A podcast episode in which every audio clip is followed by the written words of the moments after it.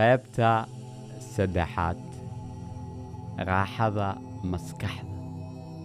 Ma faraxsan tahay? Waxa lagu siiyey nolol laguma siin nolol fiican ama nolol xun. Maalinta ugu wanaagsan noloshaada waa maalinta aad ogaatid in aad adiga boqolkii boqol mas'uul ka tahay noloshaada iyo farxaddaada miyaad faraxsan tahay ma ku qanacsan tahay wax kasta oo aad haysato noloshaada? Miyaanad rabin inaad haysato wax ka badan inta aad haysato? Jawaabtu waa haa waad rabtaa. Waxaan hubaa inay jiraan waxyaabo badan oo dhib kuugu haaya ama aad rajaynayso inaad hesho balse su'aashu waxay tahay yaa ka mas'uul ah wax kasta oo kuugu dhacaya noloshaada. Jawaabta waa mid fudud adiga haa adiga ayaa ka dambeeya wax kasta oo ka dhacaya noloshaada. Maalinta ugu wanaagsan noloshaada waa maalinta aad ogaatid in aad adiga boqolkiiba boqol mas'uul ka tahay noloshaada. Aad iska joojisid cudurdaar iyo cabasho ciladna u raadin wax kasta. Adiga keliya ayaa ka mas'uul ah inaad wanaagga ku raaxaysatid ama waddo qaldan raacdid kadibna murugootid haddii aad ka fikirto inaad tahay qof nolosha waxba qaban karin maskaxdaada waxay aamini doontaa arrintaas. Waxaadna isku qancin doontaa in aad waxba qaban karin. Wax kasta oo kuugu dhacaya noloshaada. Laakiin haddii aad u fakerto in aad ka mas'uul tahay wax kasta oo kuugu dhacaya noloshaada maskaxdaadu waxay bilaabi doontaa inay aqbasho in aad wax badan beddeli karto. Marka aan badanaa qof u sheego inuu ka mas'uul yahay dhammaan waxa ku dhacaya noloshiisa. Wuxuu ku jawaabaa maya ilaahay baa ii qoray waxa aan ku suganahay. Anigana waxaan ugu jawaabaa marka aad rabtid in aad heshid carruur maxaad samaysaa? Miyaadan raadin qof aad isguursataan? Maxaad u dhihi weysay ilaahay baa carruurta bixiya? Isaga ayaana ka sugayaa sababtoo ah waxaad og tahay in allaah wax walba sabab u yeelay marka aad la imaadid asbaabta in aad helaysid carruur waxaa lagu siiyey doorasho in aad guursatid ama aadan guursan. Doorasho walbana waxa ka dhalanaya natiijad. Adiga ayaa dooran kara in aad ka dhigato noloshaada mid fiican ama mid xun. Haddii aad wanaagga badiso ajar shaqaysato waxaad ku noolaanaysaa nolol macaan badan. Ama in aad dembi iyo xumaan samayso maalin kasta oo nolol ciriiri ah ku noolaatid adiga ayaa dooran kara in aad subaxdii xilli hore hurdada ka kacdo oo u dhaqaaqdo rumaynta riyadaada iyo in aad iska sii hurdo oo riyooto. Nolosha ma jirto cid ama qof aad ku aydayn karto xaaladda aad ku jirto. Waa adiga qofka gacantaada ku kasbaday. Waa adiga qofka sameeye doorasho qalad ah. Waa adiga qofka qaatay go'aan xun waa adiga qofka runta ka cararay. Waa adiga qofka mas'uuliyaddiisa aan gudan. Sidoo kale waa adiga qofka isbeddelka samayn kara. Haddaba jooji in aad ku eedayso dadka kale xaaladda aad ku sugan tahay. Aqbal mas'uuliyaddan ficiladaada qaado lahaanshada natiijada ka dhalatay qaladkaaga. Saacaddu way socotaa.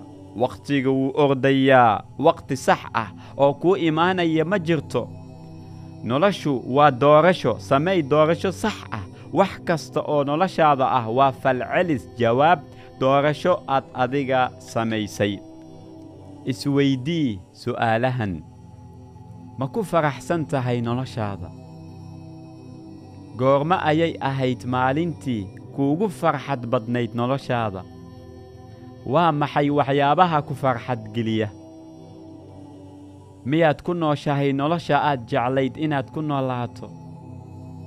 Haddii aadan ku noolayn waa maxay waxyaabaha kaa hor taagan waa maxay waxyaabaha aad samayn karto si aad ugu hor tegtid arrintaas?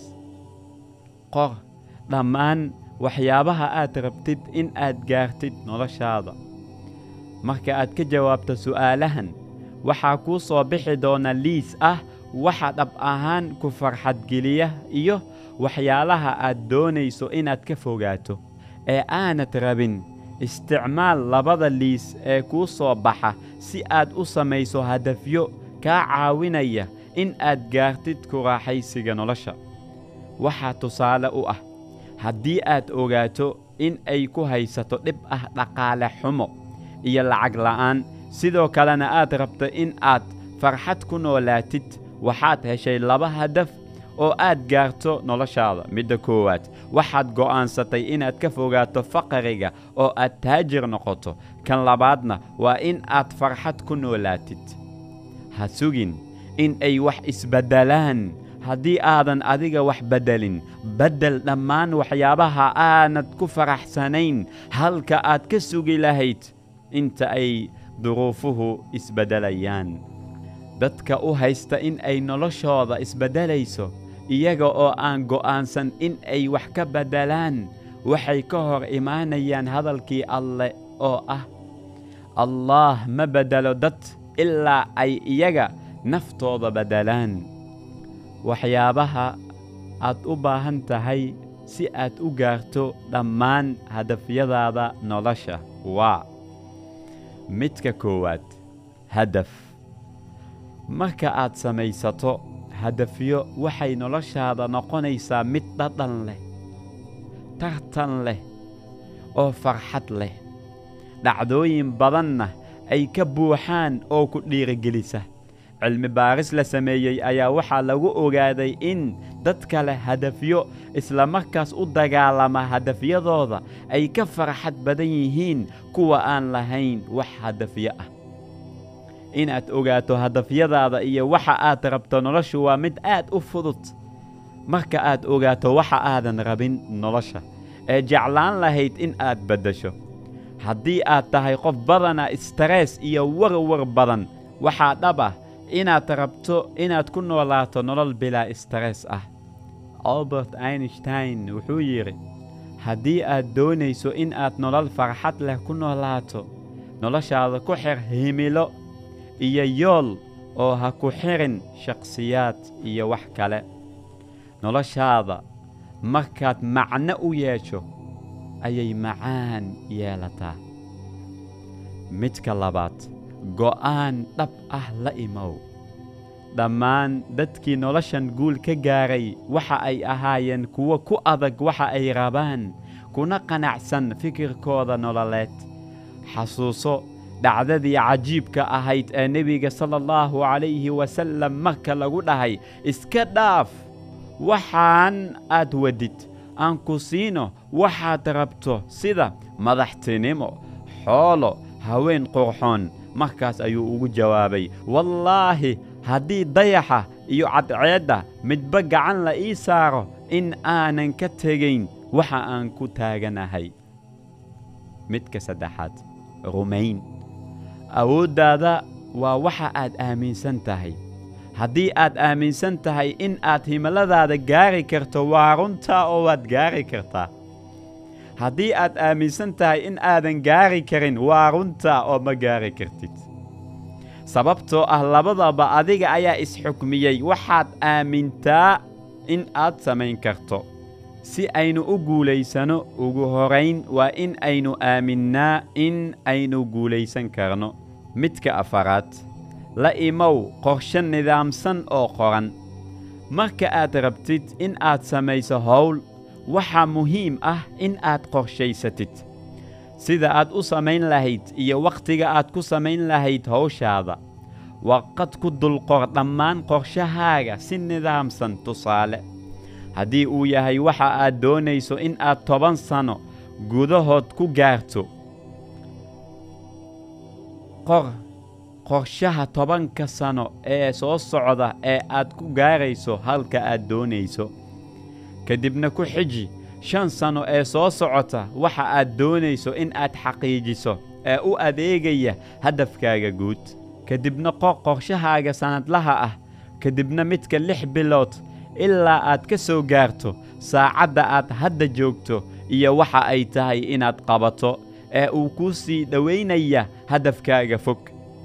Daraasad aad u fara badan baa waxay tilmaamayaan wixii aan la qorin ee aan la qorsheen in aanan inta badan qofka u qabsoomin. Haddii aad ku guuldaraysato in aad qorshe samaysato waxaad qorshaysatay guuldaro. Midka shanaad la imow ficil. Waxa keliya ee u dhexeeya hadafkaaga iyo in ay rumowdo waa in aad ficil la timaadid. Hadaf aanan ficil lahayn waa geed aanan waxba soo saarayn. Marna ha sugin in ay kuu timaaddo guusha haddii aadan dhaqaaq la imaanin. Marka aan dadaalno ayaa ilaahay inoo fududeeyaa waxaan ku dadaalnay. Midka lixaad adkaysi iyo sabar badan ma jirto qof hal maalin ku gaaray nolosha uu gaaray. Laakiin qof kasta wuxuu huray wakhti dheer isaga oo muujiyey samir iyo dulqaad xaddhaaf ah. Guusha waxay u baahan tahay adkaysi badan. Adkaysiga waa in aadan waxba u oggolaan inay kaa hor istaagaan. Waxaad doonayso inaad qabato marka aad bilowdo ilaa ay noqoto wax xaqiiq ah. Midka toddobaad iskaashi. Dadka guulaysta waxa ay si fiican u kaashadaan oo ula tashadaan dadka ku xeehan sida xaasaskooda saaxiibbadood iyo dadka ay hiigsanayaan. Midka siddeedaad ha ka cabsan guuldaro. Guuldarrada waa casharka ugu muhiimsan ee lagu barto waddada loo maro guusha sababtoo ah marka aad guuldaraysato waxaad baranaysaa qaladkii aad ku guuldaraysatay kadibna qorshe cusub ayaad la imaanaysaa taas oo guul ku gaarsiinaysa. Guuldarrada ayaa ku baraysa waddada aad ku guulaysan lahayd. Guuldarradu ma aha in aad kuftid balse waa in aad diidid in aad kor u kacdid. Henry ford wuxuu noloshiisa ka bilaabay meel hoosaysa in ka badan shan mar ayuu sheegay inuu guuldaraystay dadaal iyo isaga oo aan isdhiibin ayuu ku gaaray inuu yeesho shirkadda gawaarida ugu fiican adduunka ee ford soona saarta malaayiin baabuur ah sannad kasta. Wuxuuna guuldarrada ka dhahay guuldarradu waa keliyaata fursad labaad si aad mar labaad u bilowdid balse markan xariifnimo dheeraad ah ayaa lagaa rabaa sababta aad ugu raaxaysan weyday noloshaada waa natiijad ka dhalatay qaabka liita ee aad u isticmaalayso waxyaabaha uu ilaahay kuugu deeqay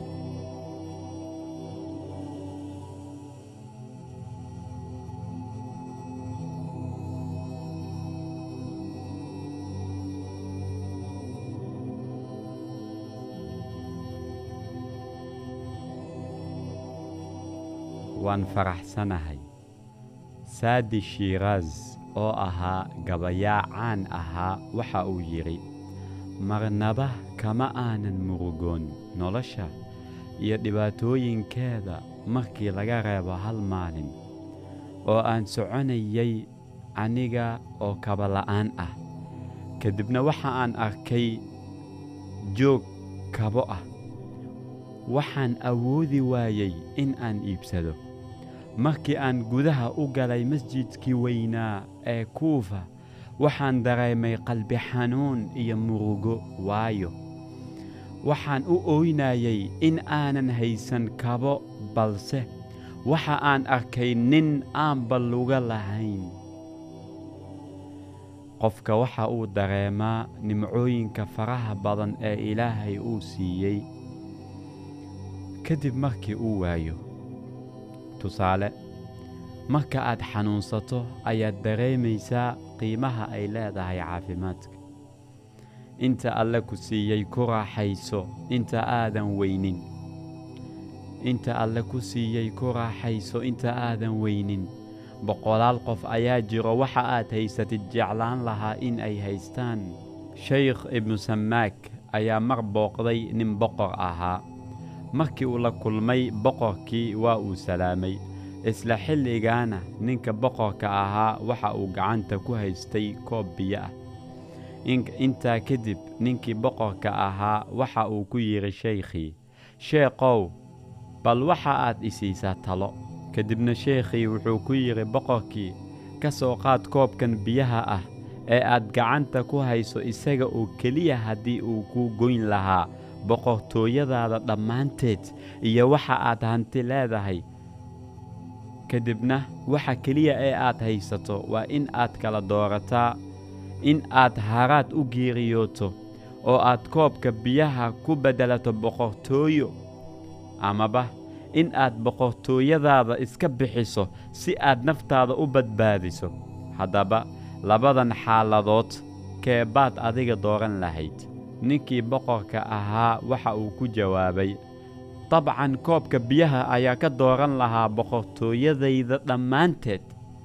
Ka dib sheekhii waxa uu ku yidhi boqorkii haddaba aniga waxaan fahmi la'ahay muxuu qofku wakhtigiisa ugu luminayaa inuu helo farxadda yar ee taajirnimada ah? Haddiiba hal koob oo biyo ah uu ka qiimo badan yahay hantidaasi oo dhan ka feker waxa aad haysatid inta aadan ka fekerin waxyaabaha kaa maqan.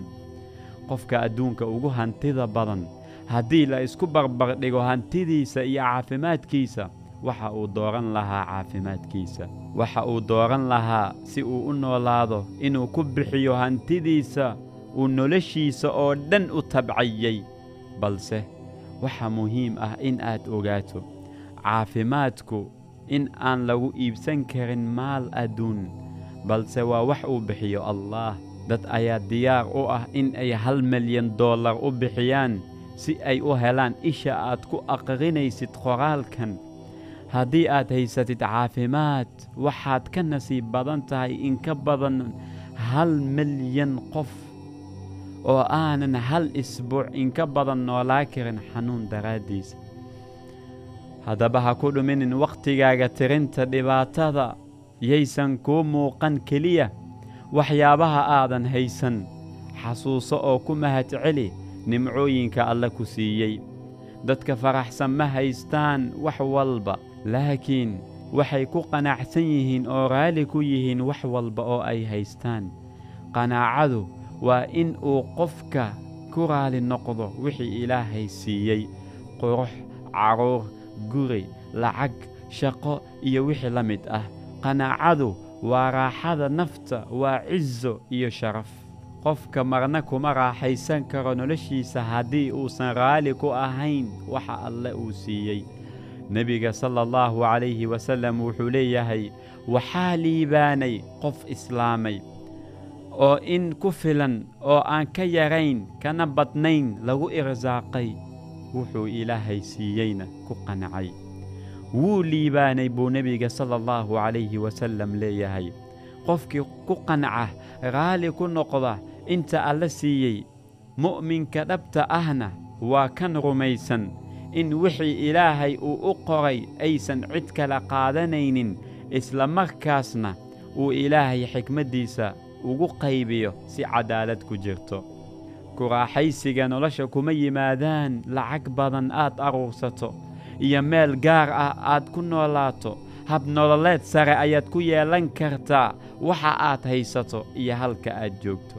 Xadiis kale wuxuu nebiga sala allahu calayhi wasallam leeyahay wuxuu ilaahay ku siiyo ku raali noqo dadka adaa ugu hoodansanaanaya dad badan ayaa jira haysta lacag aad u badan. Haddana aan faraxsanayn sababtoo ah kuma qanacsano. Inta ay haystaan in yar oo alle ku siiyey ayaad ku raaxaysan kartaa noloshaada haddii aad ku raali noqotid. Muslimiintii adduunka macallimiinta u noqday dhan walba. Qaar ayaan cuntada maalintaa heli jirin. Qaar ayaa hal dhar lahaa. Qaar ayaan guri lahayn. Haddana cilmi adduunka ka tegay waxayna dhihi jireen haddii raaxada iyo farxadda aan haysano ay ogaan lahaayeen boqorrada ugu awoodda badan dunida waxay isku dayi lahaayeen xoog iyo awood in ay igaga qaataan. Waa maxay waxa ay ku raaxaysan jireen iyaga oo aan haysan guri iyo lacag? Waxay ku raaxaysan jireen oo raalli ku ahaayeen qadarta alleh inta alle siiyey ayay raalli ku noqdeen. Kadibna alle wuxuu siiyey raaxo laga dareemo dhanka qalbiga. Miyaadan aqrinaynin xadiiska nebiga sala allahu calayhi wasallam uu leeyahay waxaa la yaab ah arrinka qofka mu'minka ah. Arrimihiisa oo dhan waa khayr. Waxay gooni u tahay ruuxa mu'minka oo keliya. Haddii uu la kulmo wax wanaagsan wuu farxaa oo wuu ku mahadnaqaa haddii dhibaato ku dhacdana wuu ku sabraa waxayna u noqotaa khayr. Noloshana kuma siinayso wax walba oo aad jeceshahay. Laakiin qanaacada ayaa kaa dhigaysa in aad jeclaatid ku faraxdid wax walba aad haysatid. Sida aan ognahay bini'aadamka wuxuu mar walba u arkaa farxaddu in ay ku jirto waxa uusan haysan. Marka uu helana meel ka sii saraysa ayuu sii raadiyaa weligiisana raaxada nolosha ma helayo. Sida uu inoo sheegay nebiga sala allahu calayhi wasallam mar uu ka hadlayay qanaacada dadka wuxuu yidhi haddii bini'aadamka la siin lahaa laba waadi ama tog oo dahab ah wuxuu raadin lahaa mid saddexaad. Bini'aadamkana afkiisa waxaa buuxiya ciidda oo keliya. Taas waxay ku tusinaysaa in qofka aysan marnaba dhammaanayn doonistiisa iyo rabitaankiisa ilaa geerida ku timaaddo. Tusaale ahaan haddii aad ku shaqayso laba boqol oo dollar aad waxaad raadinaysaa in lagaaga dhigo saddex boqol oo dollar ah. Marna kuma raaxaysanaysid labadaa boqol aad ku shaqayso. Sababtoo ah mar walba waxaad ka fakaraysaa waxyaabaha kaa maqan. Marna kama fakarayso inta aad haysatid waxaad u arkaysaa in haddaad heshid saddex boqoloo dollar ah bishii farxaddaada ay siyaadayso laakiin marka aad saddex boqol heshidna afar boqol ayaad sii rabtaa. Waxba kama qaldana qofka inuu ku riyoodo nolol sare oo raaxo badan. Waxa u baahan in la iska ilaaliyo waa in aysan waxyaabahaas noqon dhuuninimo.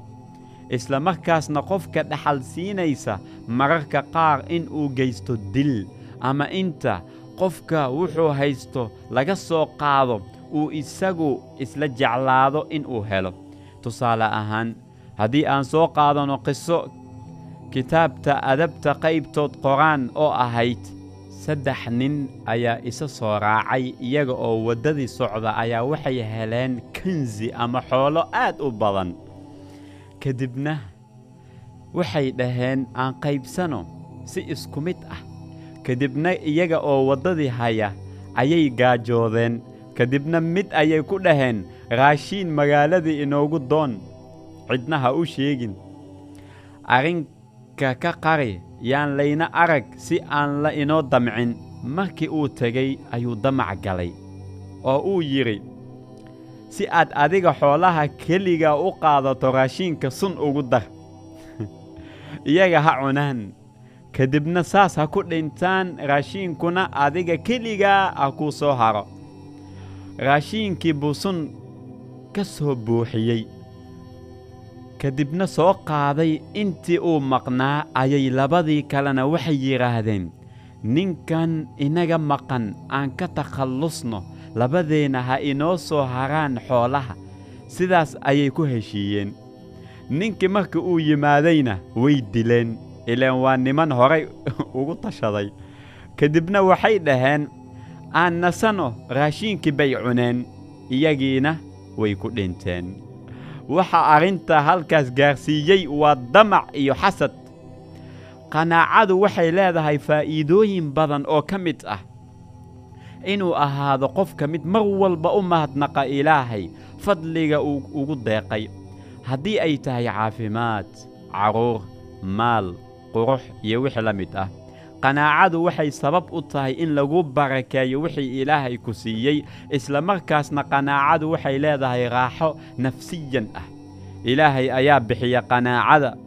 Innaguna waa inaan ku dadaalno sidii aan u noqon lahayn dad ku raali ah nimcooyinka tiraha badan ee ilaahay ina siiyey oo ay ugu horayso islaamnimada caafimaadka dhammaystirka lixda lixaad caqliga aqoonta iyo kuwo kale oo badan. Sida uu ilaahay qur'aanka inoogu sheegay haddii la damco in la tiriyo nimcooyinka ilaahay inaan la tirin karin ilaahay ha inaga dhigo kuwa raali ku ah inta uu siiyey.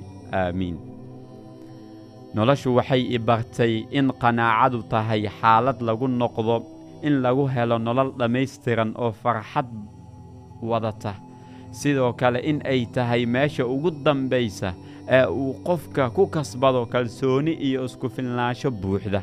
Fikirka wanaagsan. Dhinaca aad ka fiirsid ayay maskaxdaada oggolaanaysaa wax wanaagsan ayaa noqon kara wax xun. Haddii aad ka eegto dhinaca mugdiga ah. Wax xun ayaa noqon kara wax fiican haddii aad ka eegto dhinaca iftiinka ah mar walba ka fiiri xaalad walba dhanka wanaagsan. Maskaxdaada waxa aad ka dhaadhicisid ayay oggolaanaysaa. Haddii aad arrin walba ka fiirisid dhanka wanaagsan maskaxdaada waxay oggolaanaysaa in ay arrintaas tahay wanaag. Ama haddii aad ka fiirisid dhanka xun waxay u malaynaysaa in uu arrintaas wanaagsanayn. Tusaale haddii aad wadato marshaydes ama gaari raqiis ah. Waddadu waa isku mid. Haddii aad diyaaradda ku safarto economic class ama business class halka aad u socoto isma beddelayso. Haddii aad ku seexato sariir qaali ah ama dhulka aad seexato hurdo waa hurdo. Waxa keliya kala duwan waa dhinaca mid walba aad ka fiirinayso. Mid inta ugu yar ee uu haysto ayuu ku raaxaysanayaa midna isaga oo wax walba haysta ayaannu ku raaxaysanayn sababtoo ah wax ka sii badan ayuu rabaa.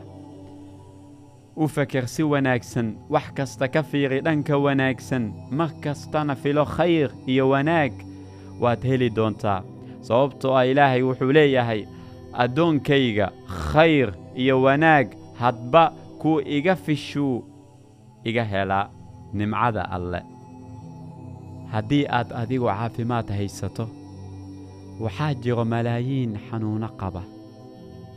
Haddii aad adigu miyir qabto oo aadan waalnayn waxaa jiro kumanaan kun waalwaalan oo xerxeran haddii aad aqrin karto qoraalkan waxaa jira malaayiin aan idna lahayn iyo kuwa aan wax aqiska aqoon iyo kuwa aan iftiin koronto haysan oo mugdiga ku nool haddii aad haysato maqal waxaa jira malaayiin aan waxna maqlin. Jecel maalin un in ay wax maqlaan. Haddii aad adiga xoolo haysato waxaa jira kuwa maalin walba baahi u dhinta. Haddii carruur ilaahay ku siiyey waxaa jira kuwa aan waxbana dhalin. Maalin walba ku ducaysta in ay ilmo dhalaan. Haddii aad adiga tahay qof muslin ah waxaa dunida ku nool boqolaal aan muslin ahayn. Ma dhahday alxamdu lilaah nimcooyinka ugu waaweyn ee alle ina siiyey ayaa ah maskaxda. Oo aanan jirin wax loo dhigo waa mashiinka amra. Oo kala wada jidhka la'aantiisana waxaan noqon lahayn dad waalwaalan oo aan isxukumi karin.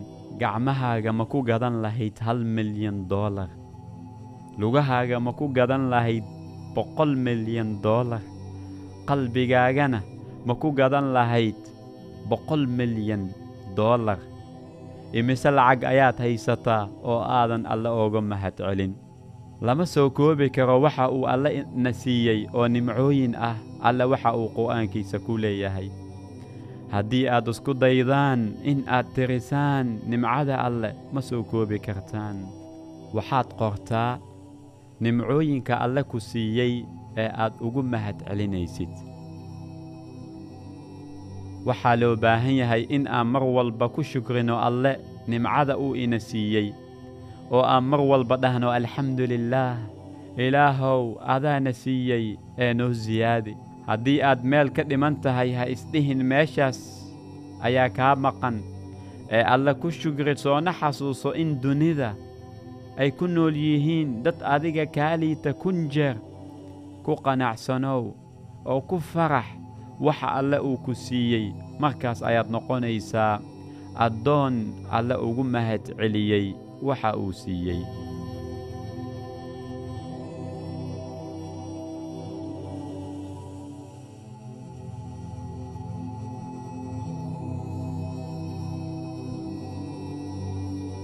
Ha isbarbardhigin ahaw qofka adiga aad tahay faraxsanow kuna noolow noloshaada dhabta ah waxaa jira sabab uu ilaahay kaaga dhigay sida aad tahay kuu siiyey waxa aad haysato.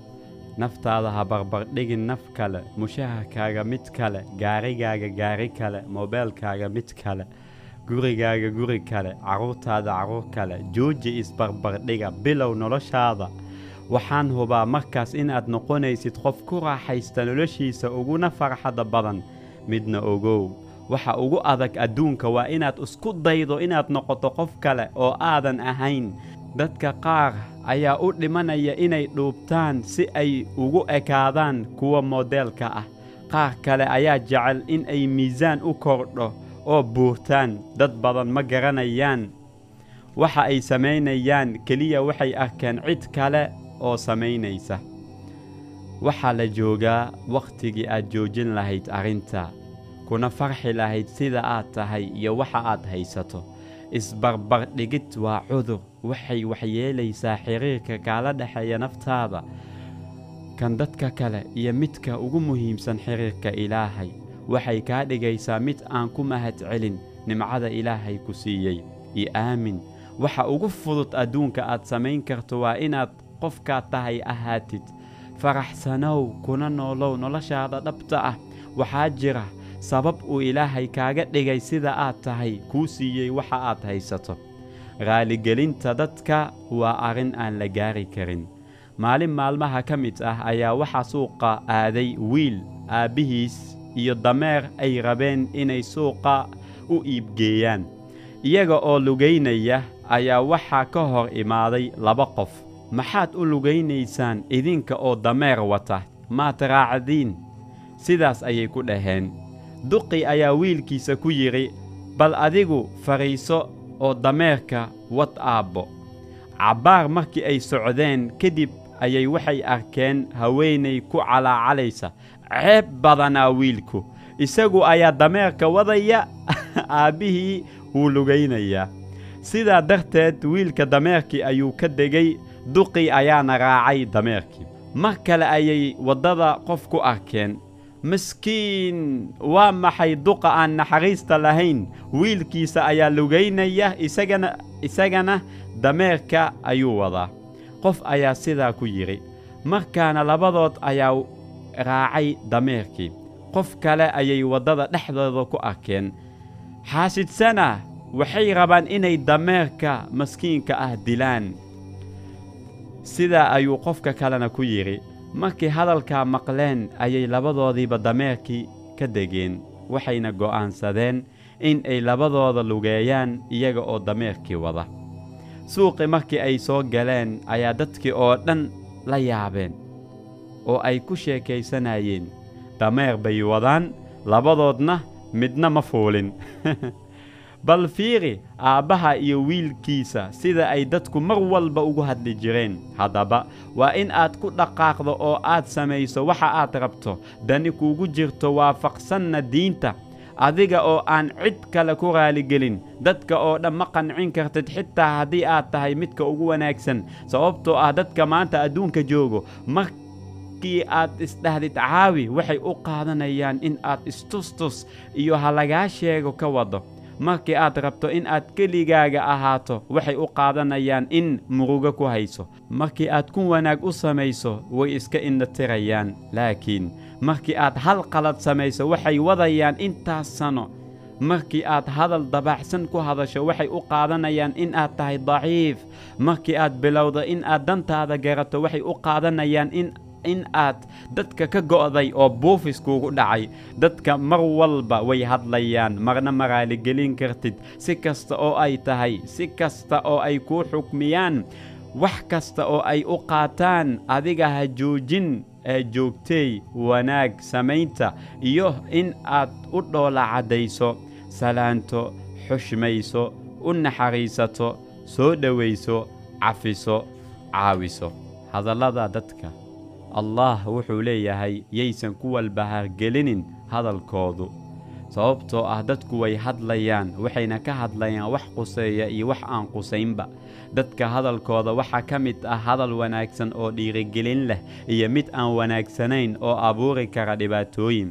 Qofka guuldaraystay waa qofka isku dhiiba hadalka dadka ee aan awoodin in uu difaaca naftiisa. Waa in aad samaysaa waxyaabaha adiga aad ku raaxaysanaysid ama ku farxadgeliya.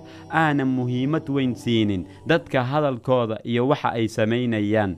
Marka ay bilaabaan in ay wax kaa sheegaan oo aan wanaagsanayn ka fogow meeshaas iskana ilow hadalkooda. Waxaadna ogaataa qof waliba oo bulshada ka mid ah waxa uu leeyahay habfikir u gaar ah. Hadalka alle aan ku dadaalno isagaa inoo daawo ah.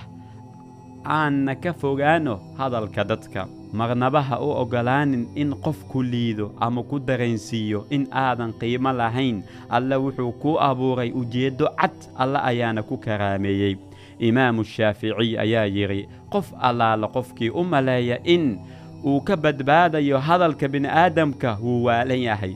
Alle ayay wax ka sheegeen nebi moxamed ayay wax ka sheegeen oo ay yidhaahdeen waa saaxirow wuu waalan yahay maxaad u malaynaysaa wixii ka soo haray labadooda? Dadka hadalkooda waa sida dhagxaanta ama dhabarka ayaad ku qaadaysaa oo waad ku jabaysaa ama lugahaaga hoostooda ayaad kaga dhisanaysaa dabaq abaraaj sare kuu qaadaya.